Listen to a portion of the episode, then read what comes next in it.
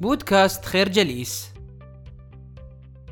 قد نصادف في حياتنا الكثير من الناس وربما نكون إحدى هذه الشخصيات التي تعشق أن تفعل كل شيء في آن واحد.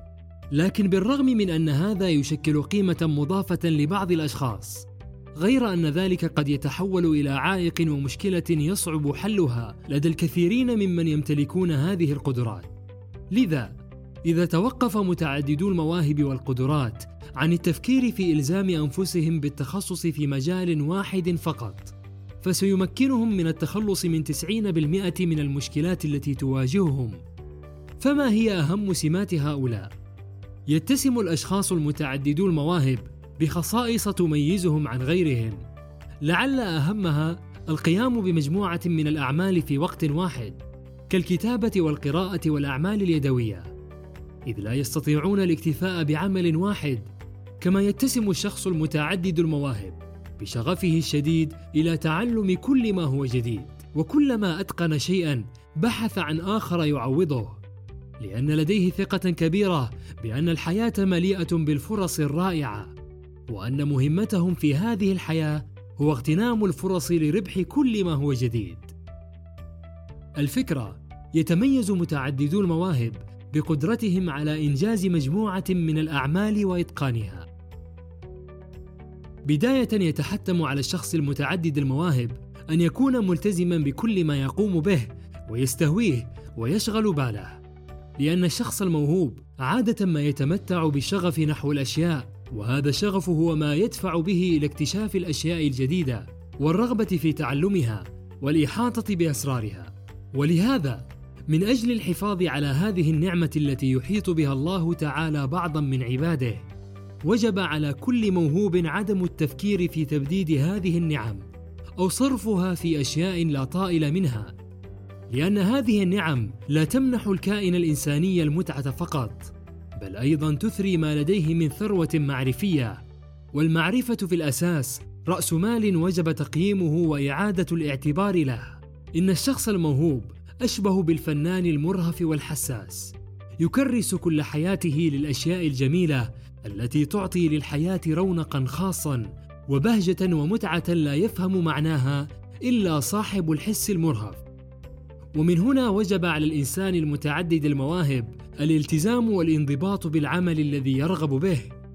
وإذا ما أراد الانتقال إلى عمل آخر وجب أيضا الالتزام به من جديد وتكريس الوقت الكافي لإتقانه وإلا ستصبح الموهبة هنا هدرا للوقت وإضاعة للجهد. وهذا ما لا يجب أن يقع فيه الإنسان الموهوب. الفكرة الالتزام بالعمل يقي الإنسان الموهوب هدر الوقت والجهد. مثل أي شخص من الأشخاص الذين نصادفهم في هذه الحياة يعد الشخص متعدد المواهب والقدرات. شخصا يتمتع بمميزات وخصائص لا تجدها في غيره. لهذا هناك مجموعة من المهمات والمهن التي يمكن أن تكون مناسبة لهذا الشخص المتعدد المواهب ويساعدهم في ذلك خبراتهم التي يكتسبونها من جهدهم وطاقتهم الخارقة.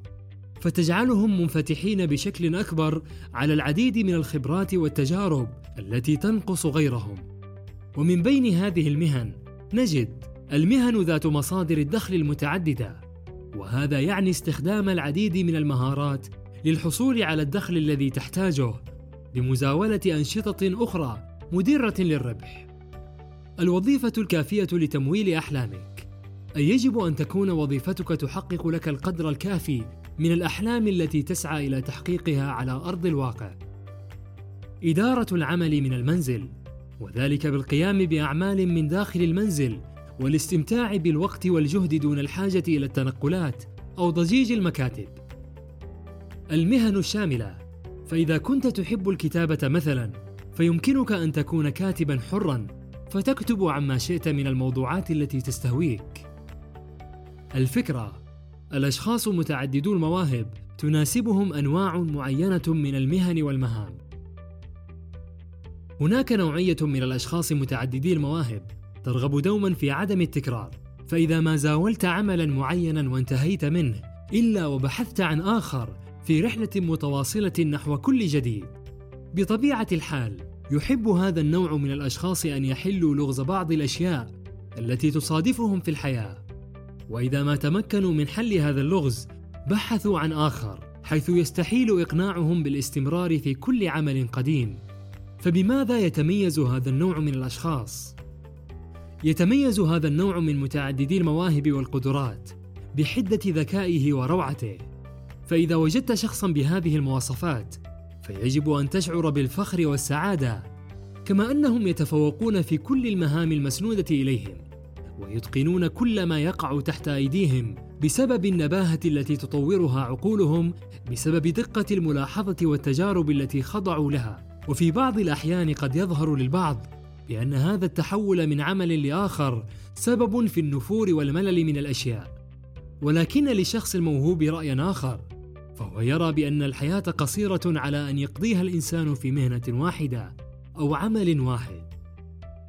الفكرة الشخص المتعدد المواهب يكره التكرار والاستمرار في عمل واحد إلى الأبد. نشكركم على حسن استماعكم. تابعونا على مواقع التواصل الاجتماعي لخير جليس. كما يسرنا الاستماع لآرائكم واقتراحاتكم ونسعد باشتراككم في البودكاست.